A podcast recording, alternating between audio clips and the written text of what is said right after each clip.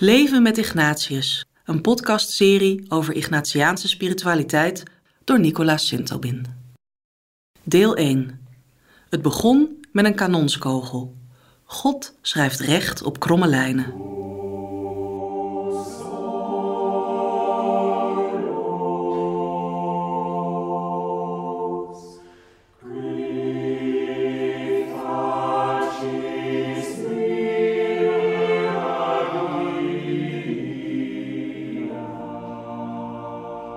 Ignatius is de stichter van de Sociëteit van Jezus. Hij werd geboren in 1491 in Loyola, het noorden van Spanje, in een Baskische adellijke familie.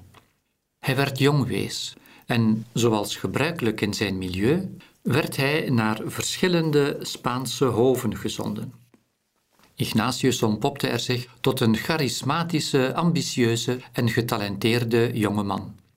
Hij deed er ervaring op als militair, diplomaat, bestuurder en rokkenjager.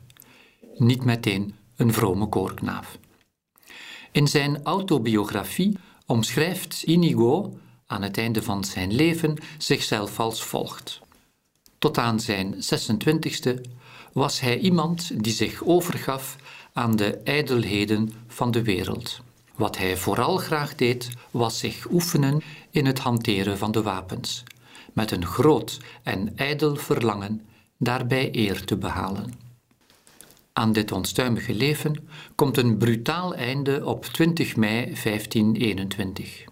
Op die dag raakt Inigo door een kanonskogel zwaar gewond aan beide benen. Gevolg hiervan is een ziekbed dat een jaar lang zal duren met een radicale bekering op de koop toe. De omstandigheden zijn van die aard dat de onstuimige levensgenieter Ignatius nu wel verplicht is om zich grondig te bezinnen. Goed dertig jaar oud is zijn leven verworden tot één puinhoop. Hij heeft vrouw nog kind. Als jongste zoon heeft hij niets geërfd. Zijn gezondheid ligt aan diggelen en daardoor ook zijn loopbaan. Je kunt zeggen dat de hele Ignatiaanse spiritualiteit gegroeid is uit wat al gauw de vraag zal worden van Inigo. Wat moet ik doen met mijn leven? Tijdens de lange uren van verplichte rust gaat Inigo dagdromen. Nu eens beeldt hij zich in dat hij opnieuw een ambitieuze rokkenjager wordt. Het voelt heerlijk. Hij heeft er zin in. Andere keren voert zijn verbeelding hem in een heel andere richting. Van zijn schoonzus krijgt hij namelijk vrome boeken te lezen. Als hij hierin heeft gelezen, gaat hij zich voorstellen te leven zoals Jezus of de Heiligen. Ook deze dagdromen voelen heerlijk, net als zijn wereldse dromen. Pas na verloop van tijd komt hij tot het inzicht dat er toch een verschil is. Het vooruitzicht om weer ridder Inigo te worden verschaft hem wel even plezier. Achteraf valt hij echter in een gat en voelt hij zich ongelukkig. Het perspectief om zijn leven te enten op dat van Jezus geeft hem ook vreugde maar een vreugde die blijft duren na het dagdromen. Geleidelijk aan groeit er een inzicht. God verlangt voor de mens dat hij een vreugdevol leven leidt. Niet enkel af en toe, maar doorlopend. Duurzame vreugde is, met andere woorden, teken van groeiende nabijheid bij God.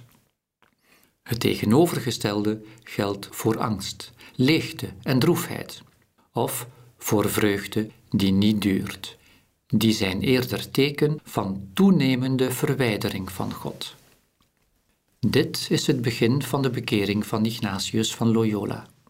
Als ervaren levensgenieter komt hij tot het inzicht dat de navolging van Jezus voor hem meer een weg naar vreugde is dan een werelds leven, ver van God.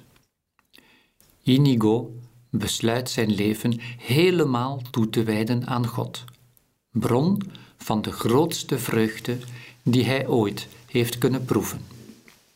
Bij Ignatius begint alles met een kanonskogel. God schrijft recht op kromme lijnen.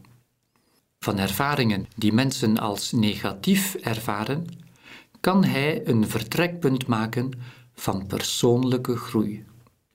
Dit gold voor Ignatius, ook voor elk van ons vandaag. Een van de sleutels hierbij is dat je je eigen verhaal onder ogen durft te zien. En vervolgens dat je bereid bent om onderscheidend met je ervaring om te gaan. In het bijzonder met de gevoelsmatige kant daarvan. Als jij die oefening doet voor jezelf, vind je dan in je eigen levensverhaal ook iets terug dat lijkt op die kanonbal.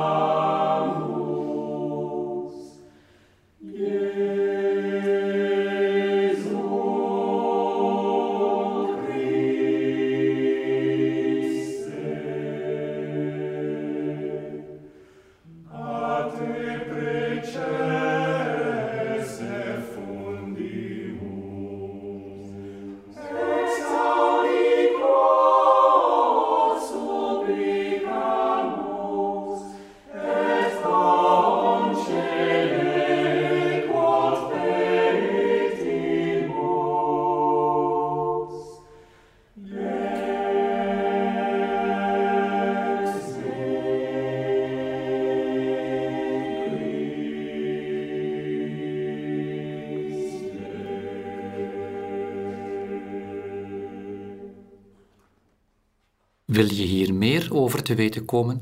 Lees dan het boek Leven met Ignatius op het kompas van de vreugde. Deze serie podcasts is een samenvatting van dit boek.